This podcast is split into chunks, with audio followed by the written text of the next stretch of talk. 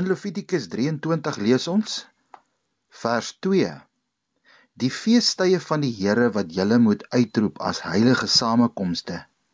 Dit is my feestydde. Die opdrag was wel aan die Joodse volk gegee om dit te doen. Maar is nie Joodse feeste nie. Dis God se feeste wat die Jode moes volhou. As voorbeeld, as skadubeeld, as 'n prentjie vir ons almal om 'n groter groter waarheid vir ons te illustreer. En daarom indien ons self deelneem aan so 'n feestyd, moet ons net sorg dat ons die prentjie van Jesus Christus hierin sal sien en hierin sal verkondig. Vers uh 5 van Levitikus 23 sê hy dis die volgende. In die eerste maand op die 14de van die maand teen die aand is die Pasga van die Here.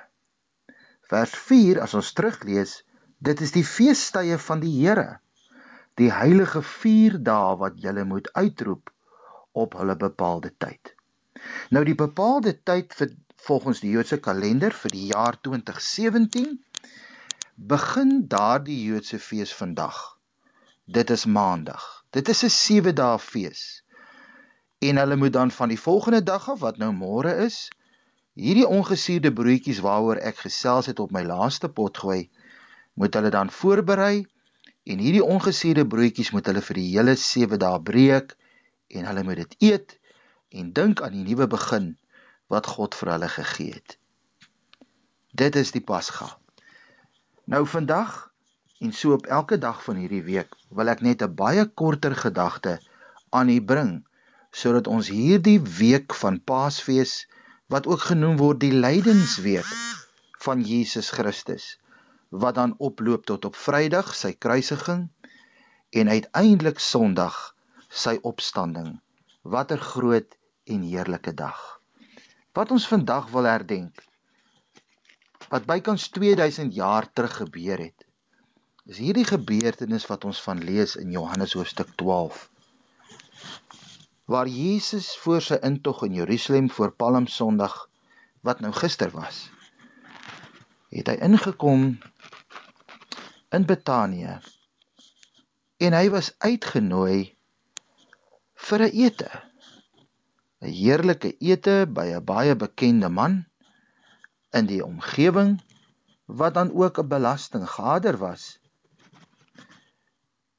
En hulle het hierdie heerlike ete voorberei en soos dit in die Joodse gebruik is, was die mans en die vrouens apart.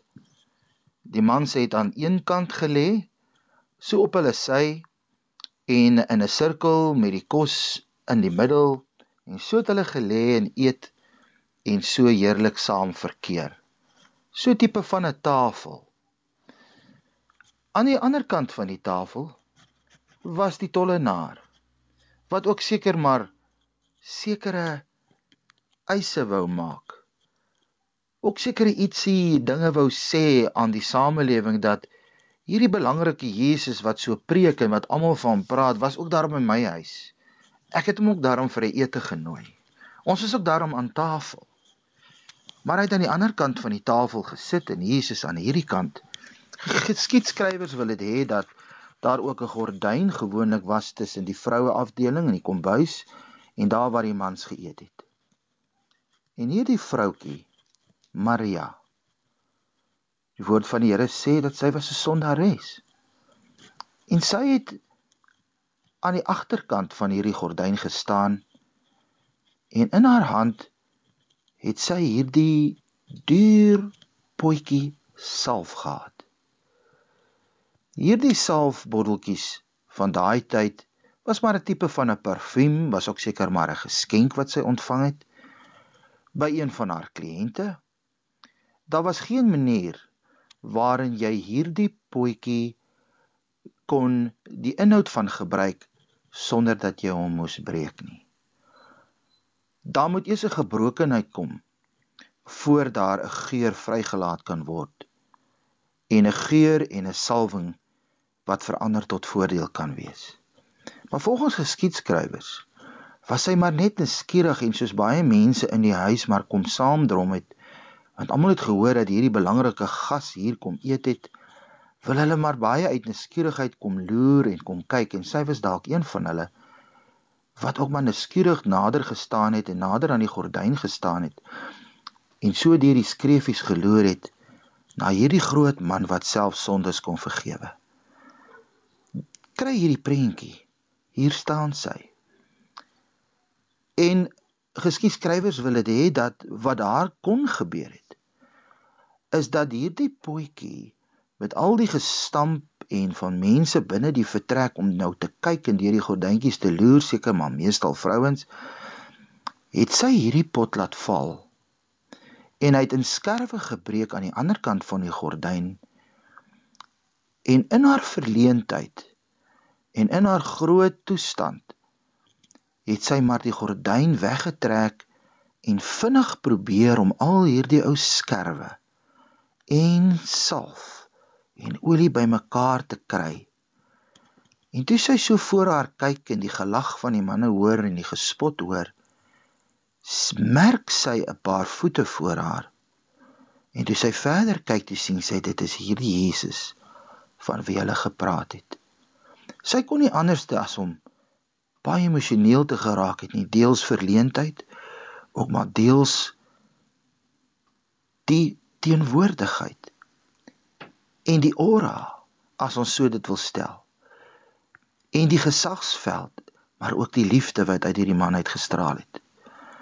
En sy het gehuil van haar verleentheid en sy haar trane het op sy voete gedrup en sy het dit afgedroog met haar hare en sy het hierdie salf gevat met die ou potskerwe eenkant gestoot en sy het maar besluit sy sal sy voete salf om van hierdie verleentheid ontslae te raak. Die tollenaar aan die ander kant van die tafel. Hy was een van die wat gespot het en gelag het. Hy was een van die wat gesê het, "Weet u wat se vrou hierdie is?" Dalk was dit dalk hy wat aan haar daardie geskenkie gegee het, wie sal weet? Die vraag is egter vandag van watter kant van die tafel af dien jy die Here?